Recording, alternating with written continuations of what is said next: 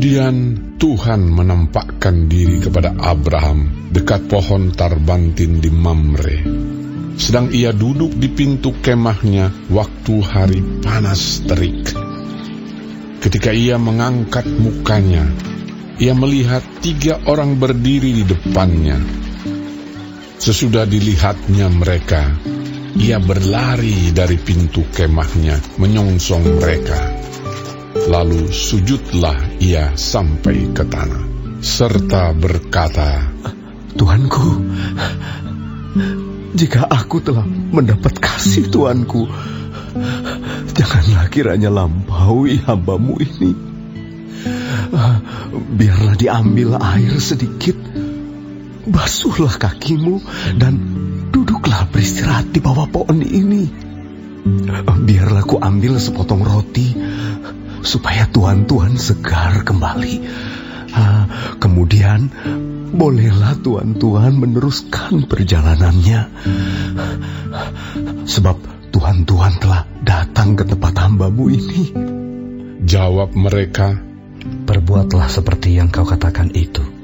Lalu Abraham segera pergi ke kemah mendapatkan Sarah serta berkata, Segeralah, ambil tiga sukat tepung yang terbaik. Uh, remaslah itu dan buatlah roti bundar. Lalu berlarilah Abraham kepada lembu sapinya. Ia mengambil seekor anak lembu yang empuk dan baik dagingnya dan memberikannya kepada seorang bujangnya. Lalu orang ini segera mengolahnya. Kemudian diambilnya dadih dan susu serta anak lembu yang telah diolah itu, lalu dihidangkannya di depan orang-orang itu. Dan ia berdiri di dekat mereka di bawah pohon itu, sedang mereka makan. Lalu kata mereka kepadanya, Di manakah Sarah, istrimu? Jawabnya, Di sana, di dalam kemah. Dan firmannya, Sesungguhnya aku akan kembali tahun depan mendapatkan engkau. Pada waktu itulah, Sarah istrimu akan mempunyai seorang anak laki-laki. Dan Sarah mendengarkan pada pintu kemah yang di belakangnya. Adapun Abraham dan Sarah telah tua dan lanjut umurnya, dan Sarah telah mati haid. Jadi tertawalah Sarah dalam hatinya, katanya, akan berakhir ke aku setelah aku sudah layu. Sedangkan tuanku sudah tua. Lalu berfirmanlah Tuhan kepada Abraham, Mengapakah Sarah tertawa dan berkata, Sungguhkah aku akan melahirkan anak, sedangkan aku telah tua? Adakah sesuatu apa pun yang mustahil untuk Tuhan? Pada waktu yang telah ditetapkan itu, tahun depan, aku akan kembali mendapatkan engkau. Pada waktu itulah, Sarah mempunyai seorang anak laki-laki. Lalu Sarah menyangkal, katanya, Aku tidak tertawa. sebab ia takut, tetapi Tuhan berfirman, Tidak, memang engkau tertawa. Lalu berangkatlah orang-orang itu dari situ dan memandang ke arah Sodom. Dan Abraham berjalan bersama-sama dengan mereka untuk mengantarkan mereka. Berpikirlah Tuhan, Apakah aku akan menyembunyikan kepada Abraham apa yang hendak kulakukan ini?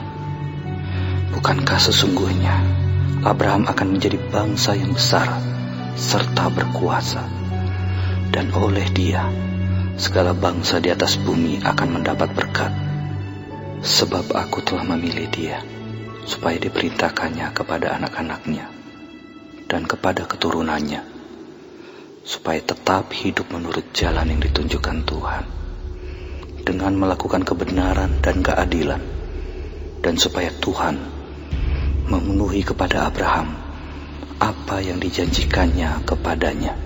Sesudah itu berfirmanlah Tuhan, Sesungguhnya banyak keluh kesah orang tentang Sodom dan Gomora dan sesungguhnya sangat berat dosanya. Baiklah aku turun untuk melihat apakah benar-benar mereka telah berkelakuan seperti keluh kesah orang yang telah sampai kepadaku atau tidak.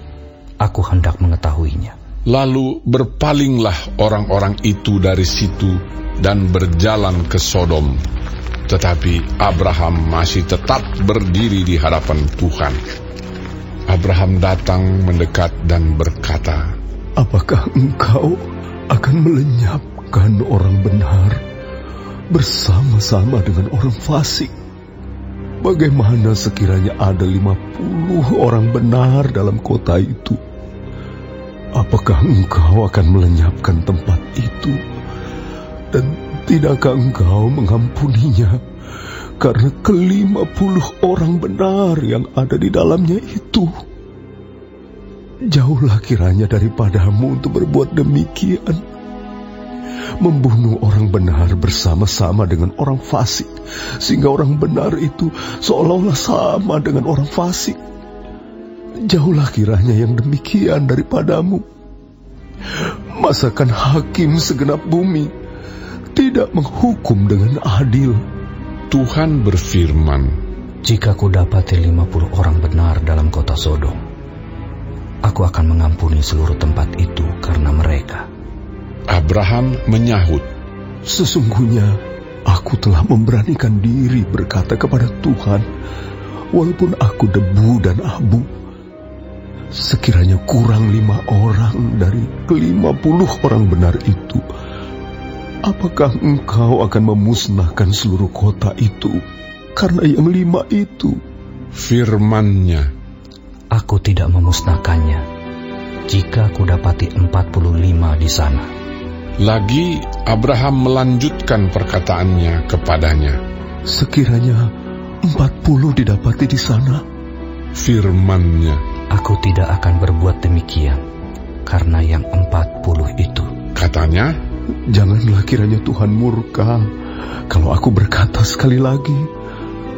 Sekiranya tiga puluh didapati di sana, firmannya, Aku tidak akan berbuat demikian jika ku dapati tiga puluh di sana. katanya, sesungguhnya aku telah memberanikan diri berkata kepada Tuhan, Sekiranya dua puluh didapati di sana.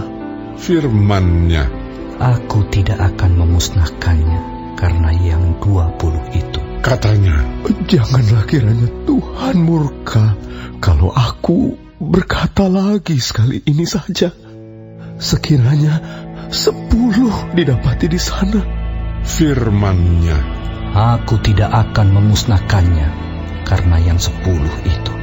Lalu pergilah Tuhan setelah ia selesai berfirman kepada Abraham, dan kembalilah Abraham ke tempat tinggalnya.